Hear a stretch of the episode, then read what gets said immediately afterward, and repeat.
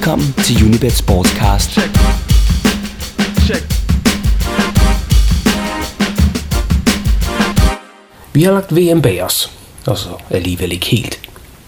For der skal gøres plads til nogle refleksioner over såvel det tyske verdensmesterskab, der Vierte Stern für Deutschland, som FIFAs indette kontrol med især de tv-billeder, vi blev præsenteret for fra Brasilien. Derfor så er denne udsendelse et tilbageblik på sommerens VM, heriblandt nogle personlige oplevelser fra en af dem, der var helt tæt på. Sekserens Morten Brun, der sammen med sin faste makker Peter Pil kommenterede en række kampe fra Brasilien. Ham har vi haft en snak med. Velkommen til Unibet Sportscards efter VM Special. Mit navn er Per Maxen. Schürrle. Der kommt an!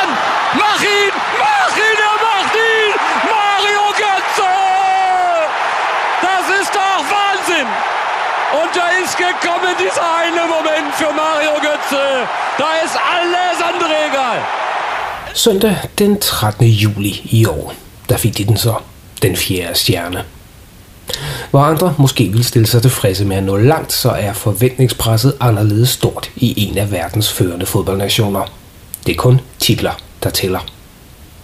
Derfor var presset på landstræner Joachim Löw, da Yogi, også ganske voldsomt. De fleste af os vi reagerer som regel lidt fornærmet over, hvis andre kommer med en mening og fortæller os, hvordan vi skal udføre vores arbejde. Så når 40 millioner mennesker har en mening om det, du laver, så er presset til at føle på. Men Løv han viste sig som den rigtige, for han havde ret. Men hvad var det helt præcis, som Løv gjorde rigtigt? Svaret det er naturligvis mange ting.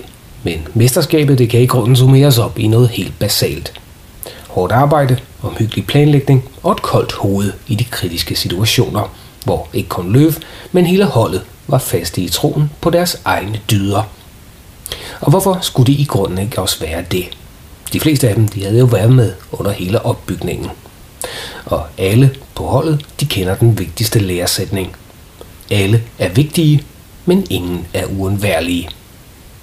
Hvor andre nationer de baserede deres succes på, at superstjernerne kunne vinde kampene for dem, ja, så satsede tyskerne ikke på de bedste individualister, men på det bedste team. Romantikere, såvel som realister, de elsker det her tyske hold og det VM, de har vundet. Fordi det blev vundet professionelt. Netop gennem hårdt arbejde, planlægning og alt det kedelige, som man ikke gider at høre på. I stedet for den, skal vi kalde det, barnlige fascination af geniet og dets genialiteter. Men hvad var det helt præcist, der vandt VM?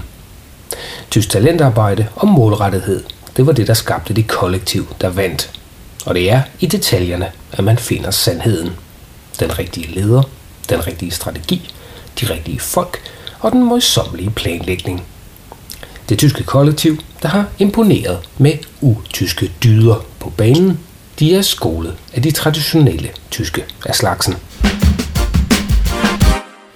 Tyskland var som bekendt voldsomt på hælene i 8. finalen mod Algeriet, og var de røget ud, ja, så havde en samlet presse for langt Joachim Løvs hoved på et fad, fordi han indtil den her søndag den 13. juli ikke havde formået at forløse det potentiale, som det her hold rent faktisk rummer.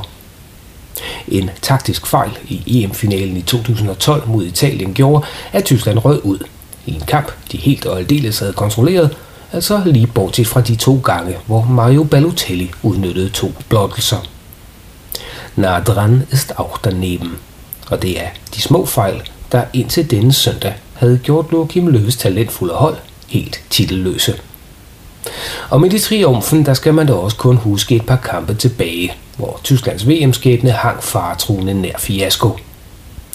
Kampene mod Ghana og Algeriet, hvor tyskerne ikke havde kontrollen, var de to, der for alvor fik kritikerne af løft til at fare til tasterne – men mod Frankrig, der blev roen genskabt, og så kom semifinalen.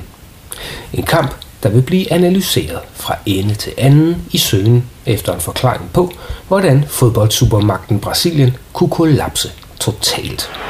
They might be through again here. Khedira. Ozil. Khedira. 5-0. 5-0.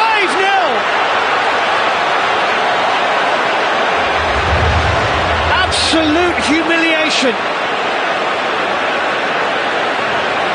Well, that one's down to David Luiz.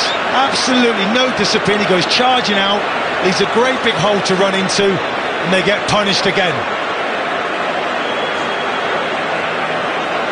Brazil scored their first in the 11th minute, their second in the 23rd, their third in the 24th, their fourth in the 26th, and their fifth in the 29th. Martin, they've scored four goals in the last six minutes. Well, it's just truly unbelievable, and it, they're so patient. Ja, inden for blot 6 minutter, der scorer tyskerne fire gange og fortsætter i resten af kampen med at skille værterne systematisk ad i det, der udvikler sig til en surrealistisk semifinale ved et verdensmesterskab. Nådesløst og klinisk, som englænderen Alan Shearer efterfølgende sagde på BBC. Utilgivelige Brasilien mod uforglemmelige Tyskland. Men samtidig uden spor af arrogance eller overlegenhed. Det var nærmest undskyldende. For tyskerne vidste godt, hvad de havde gjort ved VM-værterne, og da kampen var slut, der var alle de tyske Bayern München-spillere hos deres brasilianske kollega Dante for at trøste. Nogle vil mene, at det er let nok at have overskud, når man har vundet, men det hjælper også at have erfaring med afgørende kampe, uanset om de er endt i succes eller fiasko. Spillere som Bastian Schweinsteiger og Philip Lahm, de udstråler den ro og selvsikkerhed, der kun kommer ved at være gennemgået rutsjebaneture som spillere. Begge har vundet og tabt Champions League-finaler. De har tabt semifinaler ved EM i 2012 og en VM-semifinale til Spanien i 2010. Og for at gøre ondt værre, så har de også tabt endnu en EM-finale mod de samme spaniere i 2008. Hvis det er de små faktorer, der afgør de tætte kampe, så formåede tyskerne at bevare overblikket i de kritiske øjeblikke under denne slutrunde. Mod Brasilien, der kunne kontrasterne ikke være mere slående. Mens brasilianerne stadig koncentrerede sig om Neymar i semifinalen, hvor spillerne bare kasketter med hans navn og David Luiz og holdt en 10'er trøje frem, mens nationalmelodierne blev afspillet, ja, så koncentrerede tyskerne sig om deres egne styrker, frem for en blind tro på vilje og håb alene. Den gelassenhed, der lå over Løv og hans tropper, var ikke et tilfælde, men et produkt af det mix af spillere, som træneren havde taget med sig til Brasilien. Det var ikke hæftig gestikulering og store følelser, der slog Brasilien. Det var kolde hoveder og erfaring, og det blev udført med en klinisk præcision er betegnet et mandskab med Philip Lahm, Bastian Schweinsteiger, Mesut Özil og Thomas Müller som en gylden generation, det er på sin vis lidt misvisende. For i Tyskland, der kan man tale om generationer i flertal, hvor den næste allerede er på vej i form af Julian Draxler, Leon Goretzka og Erik Durm, hvor ja, to af dem jo allerede er verdensmestre. Og bag dem de tyske U19-europamestre med Julian Brandt, Mark Oliver Kempf og Schalke 04's Max Meyer.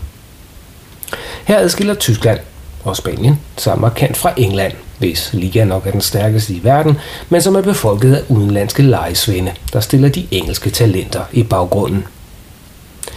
Kigger man tilbage på holdopstillingerne i EM-finalen for U21-landshold tilbage i 2009, så kan man se, at England stillede med navne som Loach, Richards, Noah, Catamole, Milner og Walcott.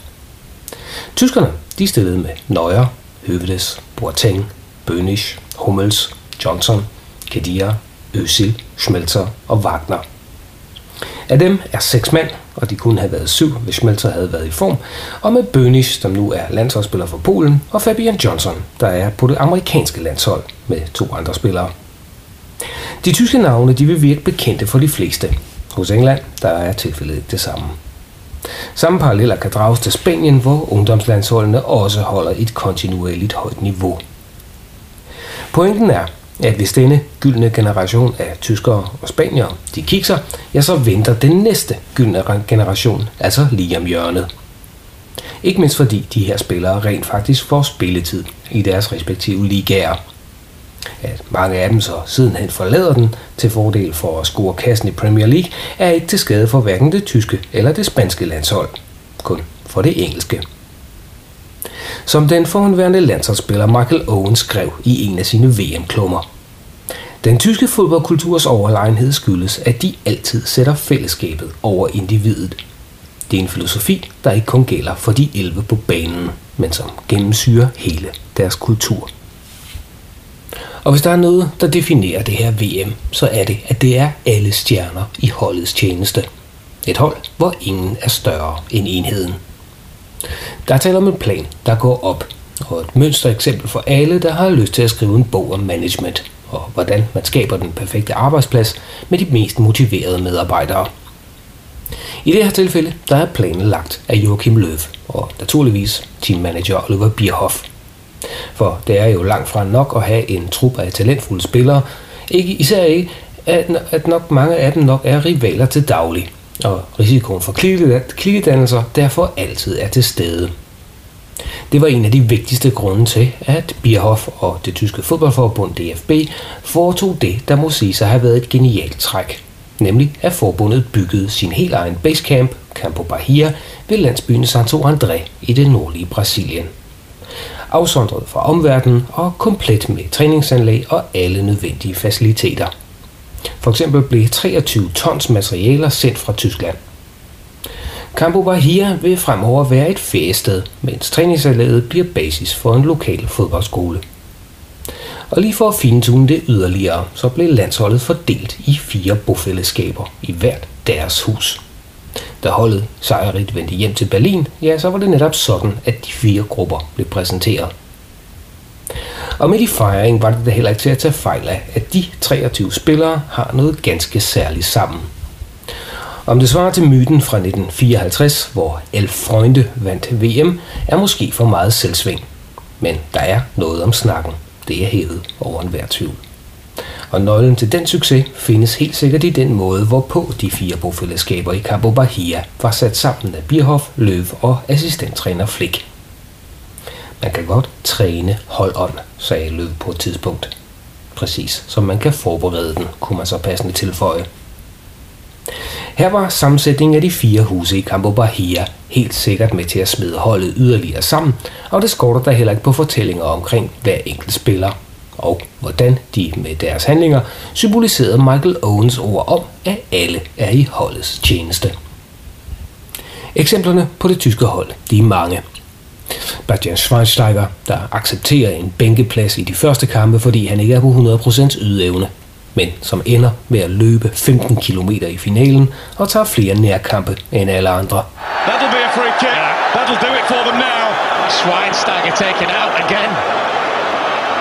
He has given absolutely everything. But he doesn't have to give any more. Germany are champions of the world. Eller Sami Khedira, der tager sit livs hårdeste beslutning og melder fra til finalen, fordi han frygter ikke at kunne holde mere end de 15 minutter. Og man må være meget fortrøstningsfuld, når erstatningen for Khedira er 23-årige Christoph Kramer, der sendes på banen i sin blot femte landskamp.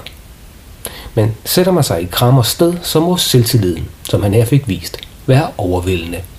Og en forklaring på, at han spillede rigtig godt, altså lige indtil sammenstødet med Ezekiel Garais skulder. Og efter eget udsagn, der kan han ikke huske, at han spillede en halv time i sit livs største kamp. Eller Lukas Podolski, der er rådet længere ned i hierarkiet på landsholdet, men som stadig er uvurderlig som motivator i truppen. Per Mertesacker, en driftsikker centerforsvarer, der også måtte rømme sin plads, da holdet skulle bruge, skulle bruge mere fart, end den han kan præstere. Eller Benedikt Høvedes, der kom med som en absolut nødløsning, men som endte med at spille samtlige syv tyske VM-kampe som venstre bak. For fodbold, det er et holdspil. Stjerner, de glimter i flæng, og det hænder der også, at én mand kan gøre forskellen. Men som Atletico Madrids arbejdskollektiv beviste, da de brød Real Barca-dominansen i La Liga i den forgangne sæson, så viste tyskerne, at deres kollektiv var stærkere end stjernestøvet hos Argentina, Brasilien og Portugal. Symbolsk, det bliver det i finalen, hvor Argentina tildeles et frispark i overtidens overtid. Langt ude og med godt udsyn til Manuel Neuer, der giver det ikke rigtig mening at sparke på mål. Målmand Romeros han signalerer, at han vil gå med frem, men får nej. Og i det øjeblik, der skinner det igennem. Giv bolden til Messi, og han vil gøre noget genialt. ganske vist, så bør Mertesacker, Høvedes og Boateng være stærkere i hovedspillet, men et indlæg ind i det lille felt, og måske en returbold, det vil give mere mening. Men her er det, at det lille boldgeni fra Rosario skal redde Argentina. Men eftersom det her det er virkeligheden, og ikke et eventyr, så går skudforsøget langt over mål. Argentina har spildt sin sidste chance ved at sætte deres lid til eneren. Det individet, der stod over holdet. Messi's free kick. That's his night. That's his final. It's not Argentina's. Now, the other thing I think of that free kick as well, it's a long way out to beat Neuer. They know, don't they? Hos tyskerne, der var det modsat. Ingen er overholdet. De absorberede modgangen bedre end alle andre, fordi de havde enheden, der var i stand til det. Du græder ikke over en spiller, der er ude. Du accepterer det, og du kommer videre. Du lader ikke følelserne tage overhånd, men går professionelt til opgaven, fordi omstændighederne har ændret sig. Succes tager tid, for succes er som regel ikke et tilfælde. Det er i reglen frugten af lang tids hårdt arbejde. Derfor så er denne tyske VM-triumf, den fjerde tyske stjerne, så meget mere tilfredsstillende for hele det system, som det tyske fodboldforbund skabte for over 10 år siden. Og titlen er ikke kun en triumf for de 23 Freunde, der løftede pokalen på Maracana, men for hele den tyske fodbold. Og så kan man jo spekulere på, hvorvidt det var et smart psykotrik, at den tyske udbanetrøje så ud, som den gjorde. Altså den trøje, de bar, da de i Belo Horizonte tilføjede Brasilien et nederlag, som man vil tale om i generationer. En trøje, der til forveksling ligner Rio de Janeiro-holdet Flamengos, og som der også for længst er omdøbt til Flalemania i Brasilien. Og netop denne trøje, det er, hvad det handler om nu. For den tyske Flalemania-trøje, den forener både symbolik og benhård marketingstrategi i det, der endte med at blive en salgsmæssig succes for firmaet Adidas.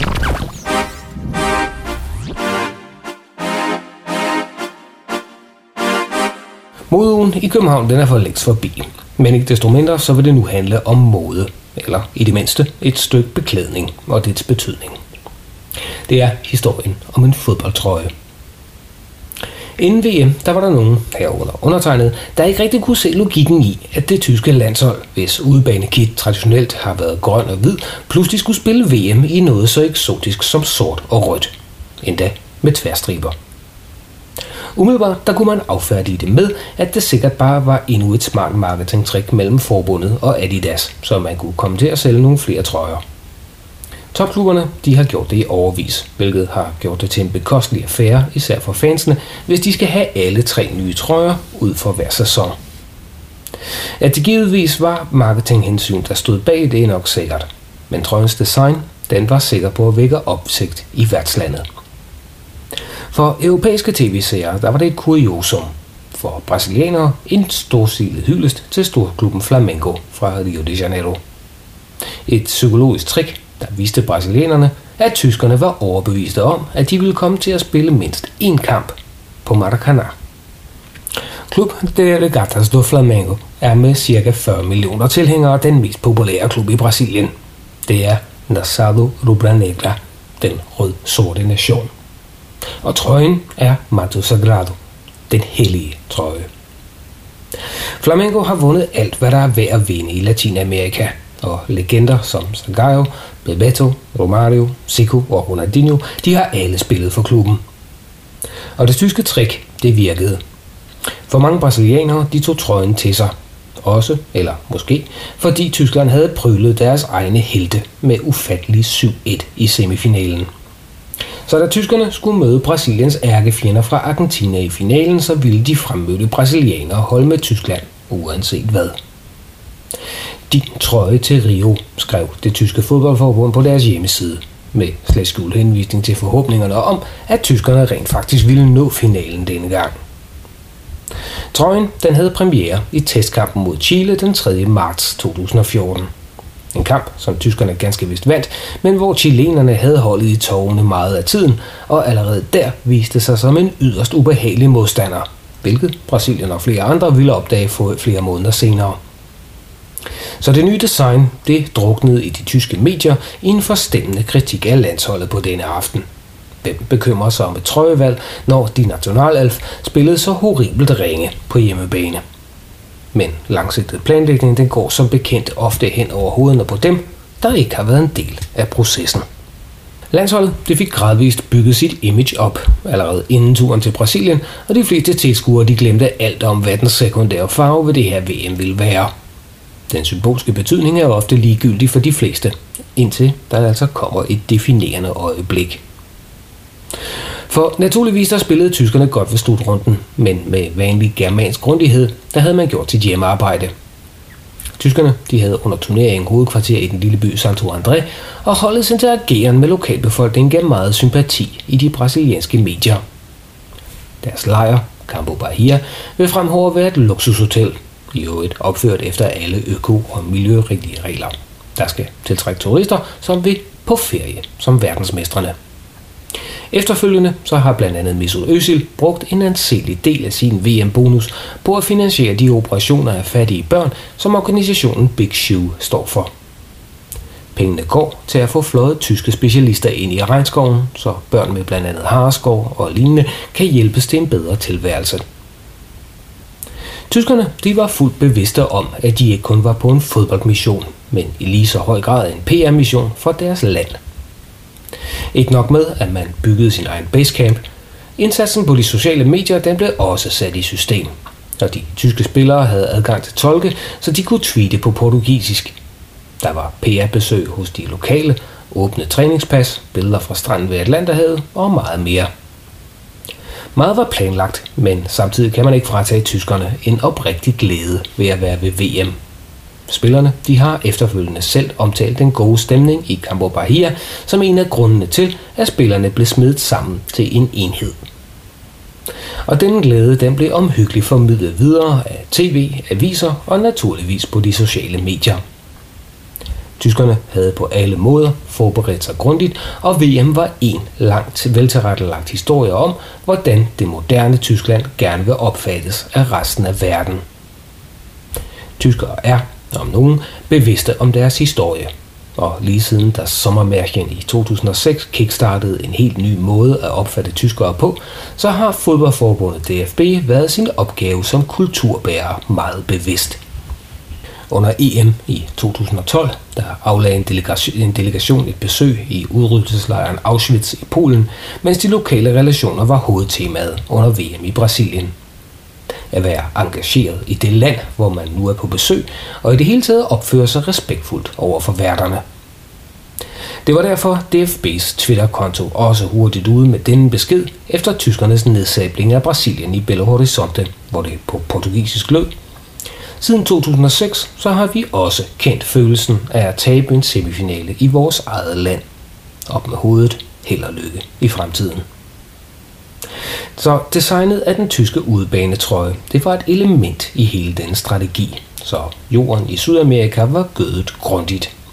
Og modsat i Europa, så var sydamerikanerne hurtige til at forstå valget af udebanetrøjen, hvilket helt sikkert var det, man havde håbet på i Adidas' hovedkvarter.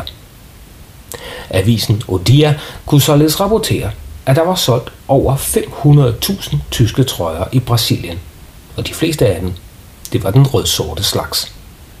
Tyske medier de kunne allerede i maj melde om en voldsom brasiliansk interesse for den tyske udbanetrøje. Så meget, at man, at man måtte skrive sig på ventelister i de større brasilianske byer, ikke mindst i Rio de Janeiro. Fra et marketingperspektiv så gik regnestykket på alle måder op, både for DFB og Adidas. For naturligvis så var det et smart træk at lade Tyskland spille i en trøje, som millioner i forvejen var fans af. Ikke mindst taget i betragtning af Brasiliens landshold blev mødt med en vist lunkenhed. Og så kom afstraffelsen i Belo Horizonte naturligvis oveni. Ikke noget, der gjorde hypen omkring den tyske trøje mindre, snarere tværtimod. Selvom denne aften var et forfærdeligt mene for brasiliansk fodbold, så kunne millioner af Flamengo-fans stadig ønske sig denne trøje dels for at mindes det smertelige Minerazzo, men også for at hylde tyskerne og naturligvis Flamengo. Ingen bør derfor blive overrasket over, hvis der på Maracanã vil være mange tyske trøjer, næste gang Flamengo løber på banen. Jo, de tyske verdensmestre de har sat sig sine spor i Brasilien i år. Ikke mindst blandt Cariocas, som indbyggerne i Rio de Janeiro kaldes. Hvis tyskerne ville have drevet kniven længere ind i den brasilianske sjæl denne mageløse aften i Belo Horizonte, så kunne de ikke have gjort det bedre end iført Flalemania, som trøjen jo allerede var døbt af folkevidet. Altså en sammentrækning af flamenco og Alemania, det portugisiske ord for Tyskland. For på denne aften, der ville den klassiske mundering fra sidste tyske verdensmesterskab i 1990 have været et bedre valg. For der findes næppe en by i Brasilien, hvor der er færre flamenco-fans end i Belo Horizonte, hvor den lokale klub, Atlético Mineiro, opretholder et mildt sagt ondskabsfuldt forhold til rivalerne i Rio. Måske det mest intense opgør i brasiliansk fodbold, hvis man ser bort fra lokalopgørene i storbyerne. Men kampen i Belo Horizonte den er forbi på en halv time. På det tidspunkt der fører tyskerne med fuldstændig uhørte 5-0 i en semifinale ved et VM. Og de brasilianske tilskuere kan kun med vantro se til, mens deres hold bliver flået fra hinanden af et hold højt koncentrerede tyske spillere. Brasilien er en skygge af sig selv denne aften, og de lokale tilskuere i Belo Horizonte må føle det som et ekstra vrid med kniven ved at se tyskerne spille i Flamengos trøjer. 20. Minute, Kedira. Özil. Wieder Kedira. Wahnsinn, Wahnsinn, was geht denn hier ab?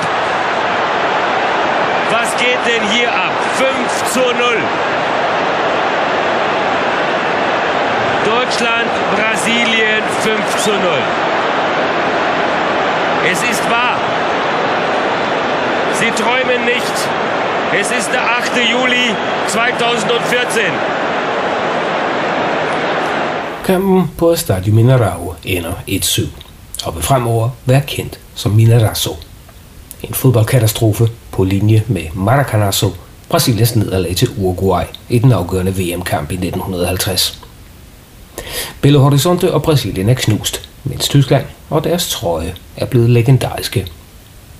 Det er nærmest symptomatisk, at selv de lokale tilskuere jubler, da André Schürrle tæmmer et indlæg fra Thomas Müller i første salshøjde og resolut rammer bolden op i målhjørnet til tysk føring på 7-0. Der overgav, overgav Brasilien sig endegyldigt. Fantastic finish. Top corner. In this country, they know all about good football. And the Brazilian fans who are still in this ground, and there are over 50,000 of them, I would suggest, have just stood and applauded the team that has dismantled their heroes limb from limb. They know good football when they see it. Fair play to them. Here's Bernard. Germany are one away now from their biggest ever World Cup finals victory. That was 8-0 against Saudi Arabia in 2002, and this Brazilian team doesn't look much better. Hvis vi ikke selv kan, så må vi hylde dem, der gør det på vores måde. De brasilianske medier de hæv inden tyskernes finale mod Argentina igen og igen fat i semifinalen. Og det faktum, at tyskerne havde optrådt i Flalemania, når de var sat som udhold i turneringen. Alt sammen med til at forstærke opbakningen omkring det tyske landshold, der havde valgt at ære Flamengo med deres trøjevalg. Hypen den fortsatte, og glæden hos Adidas ville ingen ende tage. At tyskerne så var hjemmehold i finalen og derfor spillede i deres foretrukne trøjer, det var i grunden mindre vigtigt. For Brasilien var det vigtigt, at de vandt, og at Flalemania derfor vil være legitim beklædning. I hvert fald for de 40 millioner, der holder med flamenco. Du lytter til Unibet Sportscast med Per Marksen.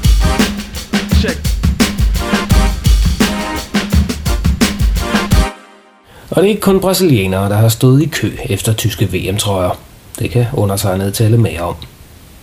Få dage efter den tyske triumf i Rio, der bestilte jeg på DFB fanshoppens side den tyske trøje med den fjerde stjerne. At der nok ville blive lidt ventetid, det kunne jeg få en fornemmelse af, da fanshoppens hjemmeside gik ned, og jeg efterfølgende modtog en mail, hvis ordlyd kunne reduceres til noget i retning af, vi har pænt travlt, så have tålmodighed med os. Trøjen den ankom i en nydelig æske, og med officielt certifikat den 25. august. Men nu har jeg altså også en trøje med fire stjerner og tallet 19 og navnet Götze. Schürrle. Working it in. Chance for Götze!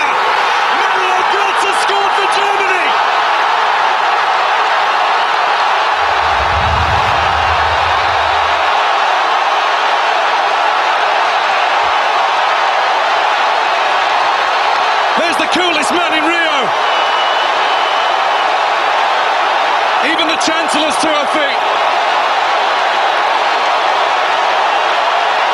A symbolic goal scorer. One of the new batch of brilliant German talent has put them in front in the closing minutes of the World Cup final.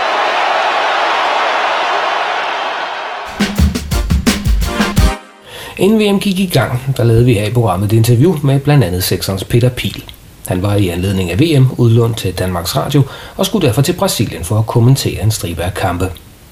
Nu er VM slut, og derfor så fandt jeg det nærliggende at stille Pils faste makker, Morten Brun, der naturligvis også var med i Brasilien, et par spørgsmål omkring, hvordan det så var at se VM fra første parket. Og om der måtte var nogle berømtheder, der endte med at få en særlig plads i hans hjerte. Jeg startede med at spørge Morten Brun om, hvad der var hans største oplevelse under slutrunden. Jeg tror, at det var den allerførste kamp, vi havde. Dels fordi sådan bare, altså for mig har det simpelthen været en arbejdsmæssig drøm at komme til en VM-slutrunde i Brasilien. Og så var det lige pludselig var det virkelighed. Og så var det, det var en kamp mellem Colombia og Grækenland, hvor man tænkte, ja, vi kendte jo ikke alverden til de to hold. Ja, det kunne vi, fordi vi havde forberedt os, men, øh, men sådan som udgangspunkt jo ikke. Og så bare det med at komme, lige snart vi kom til lufthavnen i Belo Horizonte, hvor det, det vrimlede med kolumbianere. Og altså, det var kolumbianerne, der i den grad satte scenen for den der kamp, både publikumsmæssigt og så også øh, på banen. Og altså den der fantastiske glæde, og det faktum, at der var 50.000 kolumbianere i Belo Horizonte. Folk tænker, at det er jo Sydamerika det hele, der er altså mange tusind kilometer fra, fra Colombia til, til det sydlige Brasilien. Det, det står, står stadig for mig som, øh, som den ultimative oplevelse ved det her VM, og den eneste souvenir, jeg har købt hjem derovre det er også en kolumbiansk VM, tror jeg. Det, det blev sådan mit hold under VM. Ja, det kunne være, hvis man har fulgt dig på, på uh, Twitter. Og, ja, man kan man næsten fornemme det, ikke? Hvilket navn står der så bag på den trøje? Jeg kunne ikke få navn på, for jeg købte den i Flamengos fanshop. Det var faktisk utrolig svært at få de her kolumbiske, kolumbianske landsholdstrøjer. De gik jo som varmt brød. Men Flamengo, som er en af de store brasilianske klubber, som har hjemme i Rio, det er en, en Adidas klub, så de solgte landsholdstrøjer fra de lande, som var, som var med ved VM og som spillede i Adidas, men det var altså uden navne, så der stod ikke rammes på. øh, ved inden VM, der var der mange brasilianere, der frygtede, at landet de ville sådan fejle uden for banerne, fordi det organisatoriske det slet ikke kunne leve op til forventningerne, mens man var ret sikker på, at den skulle nok gå ind på, ind på banen. Nu blev det nærmest omvendt, eller? Ja, det, det blev omvendt lige så skuffet, man kunne være over det brasilianske landshold. Jeg var meget skuffet over det brasilianske landshold, både over den måde, de spillede på. Jeg synes, det var uschammerende, for, for nu at sige det rent ud. Men lige så imponerende var hele setup'et omkring VM. Man må også sige, at der var mange maskinpistoler. Altså, så dem, dem var ikke, de er ikke så rare at argumentere imod. Så sikkerheden var jo enorm. Altså, det var, det var simpelthen der var store militære opbud omkring kampen. Der blev simpelthen lavet zoner omkring stadion, hvor der ingen trafik var overhovedet, altså sådan en, en kilometer til halvanden rundt om stadion, så der blev der var ingen tvivl om, at alle ressourcer var sat i spil for at sørge for at give omverdenen et positivt billede af det her VM. Det lykkedes også. Vi kunne sikkert godt være gået nogle steder hen i Rio eller i Brasilia eller Sao Paulo, hvor der ikke har været særlig rart at være. Men de steder, hvor vi, hvor vi befandt os, altså man følte sig, man følte sig mindst lige så tryg som på gågaden i Aarhus. Hvordan er det så, når man er afsted og er, har det der fantastiske akkreditering? Hvilke særlige privilegier har man så? Ja, man kan komme ind og se kampen, men ellers er der jo i grunden ikke så mange, så mange privilegier. Der er også nogen, der bliver lidt skuffet over, når jeg fortæller, at jeg har ikke været, jeg har ikke været tæt på en eneste af VM-spillerne derovre. Men altså, omkring stadion giver det selvfølgelig nu, øh, adgang til kampen. Og adgang til træningen, det var jo, det skete desværre ikke så tit, fordi vi jo næsten altid skulle videre til den næste kamp allerede dagen efter. Men der var to gange, og to gange var vi inde og se hollænderne træne, og en gang var inde og se argentinerne træne. Hollænderne var jo cool. De havde helt åbenlyst noget, de skulle, et, et image, de skulle have rettet op på efter 2010, hvor selvom Holland blev nummer to, er det nok meget den her Nigel de Jong karate og deres generelt meget hårde spil, som, som står tilbage. Så den, den hollandske lejr var også på en charmeoffensiv, så de havde åbne træninger. Normalvis, man kunne lugte dem efter en halv time, og det er argentinerne var fuldkommen paranoide. Alejandro Sabea, der er deres lille træner, der med, vi var til presse med, men han sagde noget med som kasketskyggen sådan helt ned i øjnene, og ville nærmest dårligt nok svare på, hvad han selv hed.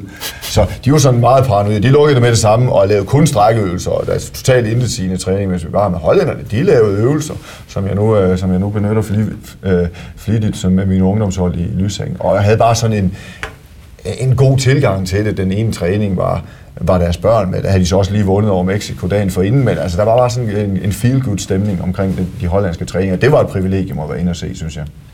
Jeg lader mærke til, fordi du har kigget lidt tilbage på, på, på dine mange tweets derovre fra. Uh, du har flået med et luftfræsterskab, der hed Gold. Rigtigt. Det var, det, det var morsomt. Og hvorfor var det, du tog dig selv i at holde helt vildt med Algeriet? Det er jo det her med, og det, det er jo der, hvor den også den europæiske sådan arrogance i almindelighed i forhold til det der med, kan de overhovedet finde ud af at holde en, en slutrunde i det, på et andet kontinent, og så den europæiske fodboldarrogance, hvor vi sådan bare per automatik siger, at uh, Algeriet, de kan umuligt have nogen chance i en pulje med, med Rusland og Belgien. Costa Rica har ikke en chance mod, mod Italien, England og, og Uruguay. Og, og jeg kender jo heller ikke som udgangspunkt så meget til det algeriske landshold. Og så lige pludselig kom, om og, og kom over og blive overrasket. Jeg var ikke overrasket over, hvordan Argentina spillede, fordi dem kendte jeg godt. Jeg var heller ikke overrasket over, hvordan Italien spillede, men Algeriet. Og så det her med, den første kamp, vi så med da der var spillet 35 minutter, der førte de med 3-0. Og det var bare ligesom om, det kom sådan fra vores perspektiv sådan lidt ud af ingenting, fordi det, de første 20 minutter var egentlig sådan lidt kedsommeligt i en kamp mod Sydkorea, så det var jo sådan en ja, i VM-sammenhæng relativt afdæmpet affære, men det blev det bare slet ikke. Og så har de jo bare nogle, havde de jo bare nogle fans, der var fuldstændig vanvittige. Der var ikke 55.000, men dem der var, de lød næsten som om der var. Så sad de sådan lige ned til højre for os. Så det bliver også så meget de her personlige oplevelser om, omkring kampen, og der var det bare en rigtig god kamp. Og så havde vi dem også igen, vi havde dem også igen, da de så kvalificerede sig endeligt via, via 1-1 mod, mod Rusland. Og det er det samme som med det kolumbianske landshold. Der, der, er noget ved, der er noget ved den her genkendelse, så det var egentlig, det blev min hold Colombia, og så til min egen store overraskelse lige præcis Algeriet. Så vi så i parentes bemærket nok for det hold, der havde de senere tyske verdensmester længst ud i tårne. Det var det jo rent faktisk. Altså, der var noget kvalitet gemt i nogle spillere, som jeg har jo ikke, der er jo mange af dem, jeg kan se spille, men vi har jo noteret os, øh, i hvilke klubber de var, de var tilknyttet, og hvor meget de havde spillet, og det var jo reservespillere fra Sporting Lissabon, fra Watford, og, og fra nogle mindre franske klubber. Og, og det her med at se dem blive en enhed, og så måske lige, hvis jeg lige kan twiste den lidt med, de havde sådan en meget stoisk, øh, meget autoritært udstrålende træner i Vahid Halilocic, som også kommer med nogle sådan voldsomme sådan, øh, statements omkring øh, god opførsel og disciplin osv. Han gik fuldstændig amok i en glædesrus med, med sit jakkesæt, da de var gået videre. Altså lige pludselig at se sådan en alvorsmand krakelere i, i euforisk jubel, fordi at, øh, at Algeriet, som jo ikke engang er hans øh, fædreland, men hans hold, hans algeriske landshold, var gået videre fra den indledende pulje i VM. Det, det er en af de ting, der står tilbage. Er der jo et, øh, når man sidder oppe og skal spikke de her kampe. Laver man sådan lige en, uh, en øh, kendisspotning? Hvem er, er der nogle berømtheder, der sidder og speaker for de andre tv-stationer? Hvem, er, der, er der nogen, du kan komme i tanke om, som du har set? Jeg kan sagtens komme i, komme i tanke om nogle. Englænderne havde jo, havde jo et helt arsenal, men det er mest... Arsene Wenger er jo altid til slutrunderne, og er jo meget synlig fra fransk tv, har en god position. Og så er der jo også en, en historie med Avram Grant, som jo var et stolpeskud fra at vinde Champions League med, med Chelsea. Han blev kaldt The Undertaker i, øh, i, i England, hvor han har også det her bedemandsfjæs. Det må, det må man sige, han har. Han ser ikke særlig munter ud. Men øh, ham sad vi faktisk og kommenterede nogle, nogle kampe med, ved, ved, siden af på de samme positioner. Altså Israels tv og dansk tv har jo sådan, man har jo sin plads i hierarkiet derovre. Og så tænkte vi, nu har vi jo vi har en tilgang med Richard Møller Nielsen, og så gik vi hen og sludrede lidt med ham, og vi kunne næsten ikke komme derfra. Han, øh, han var meget, meget snakkesalig og skulle ikke have hans telefonnummer og fortalte historier om ham og Richard Møller Nielsen. Så lige pludselig så gik Abraham Grant fra at være den her sådan den måske mest kedelige øh, øh, øh manager til Chelsea, Chelsea nogensinde har haft i min bevidsthed til at være den her øh, charmerende verdensmand, som, som godt gad at snakke med et par danskere. Så han har også fået en plads i mit hjerte. Mens Bruno Pil de altså kunne sidde i Brasilien og følge tingene fra nærmeste hold, så var de fleste af os andre nødt til at forlige os med tv-billederne, som værende den sandhed, der kom ud af Brasilien. Men ikke alt var så rosenrødt, som FIFA prøvede at give os et indtryk af. For FIFA de udøver en enorm meget stram kontrol med alt, hvad der foregår under slutrunde ikke mindst hvilke tv-billeder, der får lov til at slippe igennem til de millioner af mennesker, der sidder og kigger på denne verdens største tv-begivenhed. Så det er nok værd at erindre om nogle af de ting, du som tv-seer gik glip af. På et tidspunkt under VM-finalen, der var der nok mange, der stillede spørgsmålet. Hvad skal vi med alle de billeder af tilskuerne og den der frelserstatue? For Rio de Janeiros værtegn er skam flot, også i solnedgangen, men nu har vi altså set det. Og det spørgsmål, man så skal huske at stille sig selv, det er, hvad er det lige, der sker på banen, siden produceren synes, at det er vigtigere at klippe til tilskuere eller statuer. Hvis du ser én ting, så skal du i reglen spørge dig selv om, hvad det er, der mangler for at gøre billedet fuldendt. Ikke nødvendigvis det første, man gør, når man som tv-serie hjemme i Europa sidder og ser VM fra Sydamerika. Men ikke desto mindre et ret indlysende spørgsmål, når man lige har haft tid til at reflektere og huske tilbage på det VM, der nu er forbi. Det du ser er ikke nødvendigvis en repræsentativ udvælgelse af virkeligheden. Det er, hvad produceren vil have, du skal se. Og siden vi nu kender arrangøren, kontrolfriken FIFA, alt for godt, ja, så er det i grunden ikke så svært at regne ud, at alt, hvad der forstyrrer glansbilledet af et VM, det skal klippes væk. Derfor så har vi set masser af luftbilleder fra stadion, frelserstatuen over Rio, og så naturligvis masser af glade fans, hvoraf et ganske overvældende antal de er kvinder. Bedømt ud fra tv-billederne alene, så skulle man tro, at VM-fodbold er en sport, der faktisk appellerer mere til kvinder end til mænd. Produktionsselskabet HBS, der af FIFA er hyret til at producere det internationale tv-signal, ja, de havde 34 kameraer i aktion per kamp. Hertil kom så de nationale tv-stationer, der kunne tænkes at have egne kameraer på plads til hver kamp. Således havde de tyske tv-stationer TDF og ARD hver otte kameraer til de tyske kampe.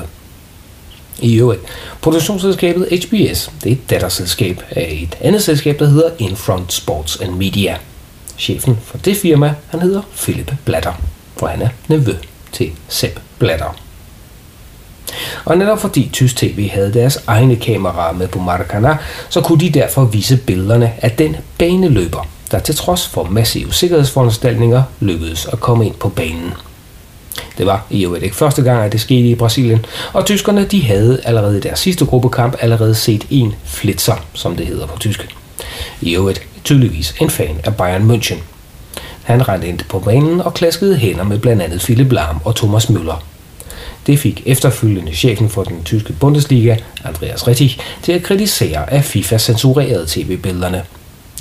Kampen bliver afbrudt, ja, så er det vigtigt at vise, hvorfor den er afbrudt. I Bundesligaen, der havde vi helt sikkert vist det. Det handler om censur, og dermed kontrol med, hvad der slipper ud til millionerne af seere over hele verden. Og for FIFA, så er det en rigtig dårlig historie, at baneløbere de kan afbryde ikke bare én, men mange kampe.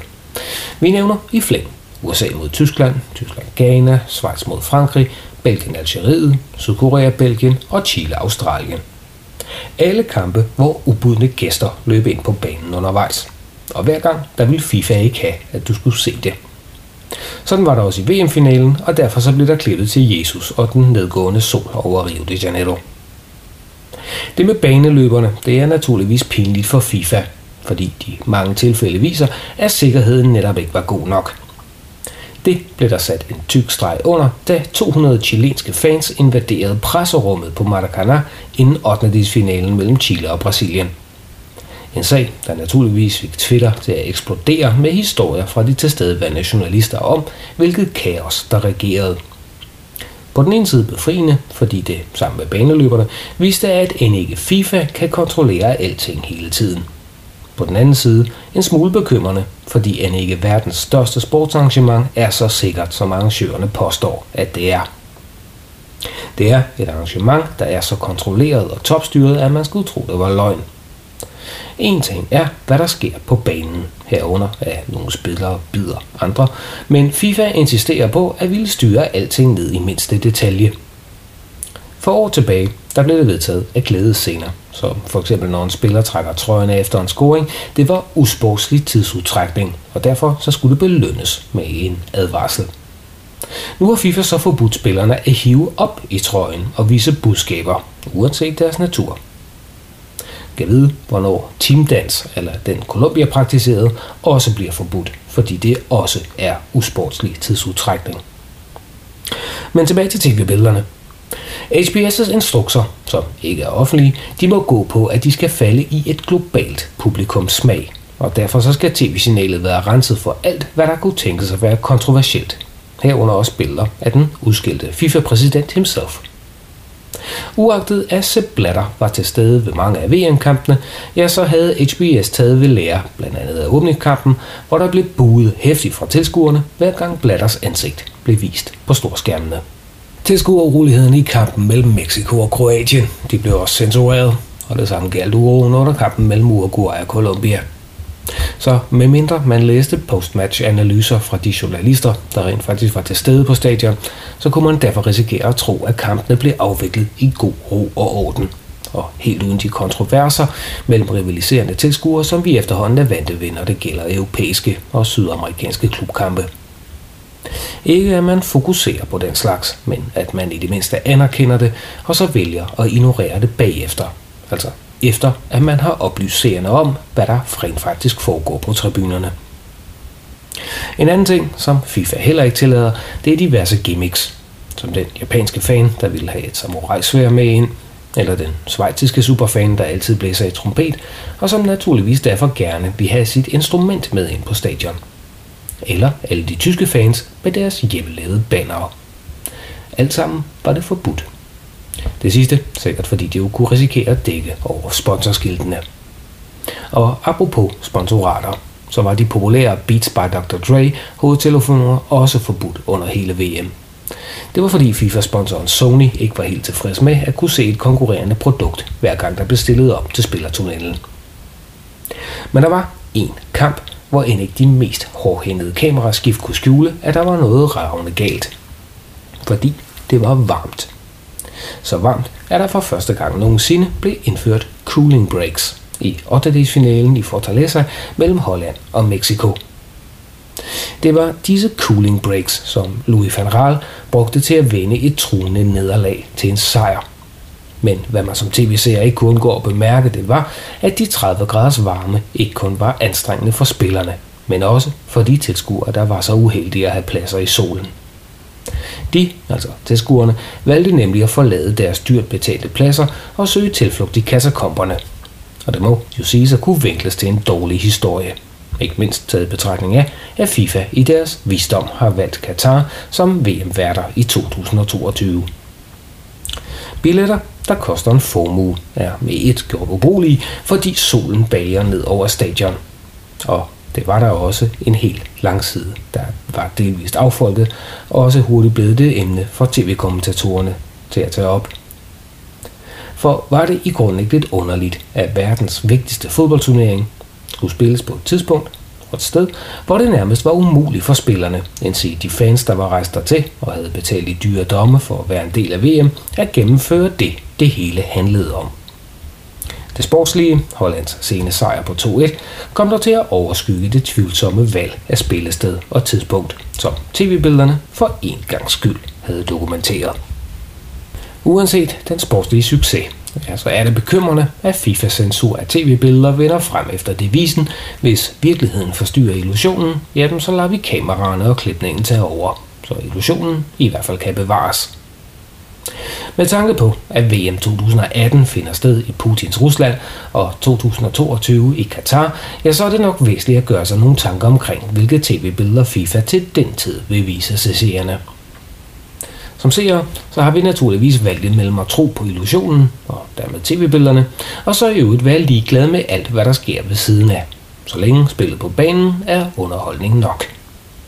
Det vil sige, at vi skal begynde at opfatte VM som en slags Hollywood-produktion – hvor alt er timet og tilrettelagt.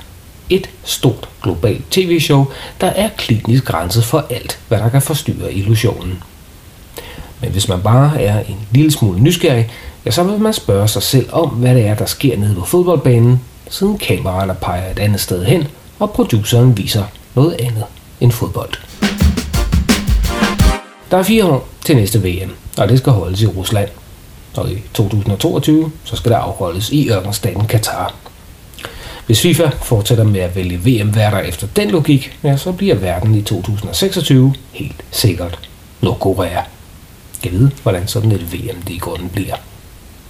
VM 2014 er slut, og det blev for en gang skyld opfyldelsen af Gary Linekers ord. Much, uh, well, after the most enthralling of World Cups, uh, 64 games, 171 goals, uh, 20 odd men kicked a ball around for 120 minutes, and at the end, do I really need to tell you?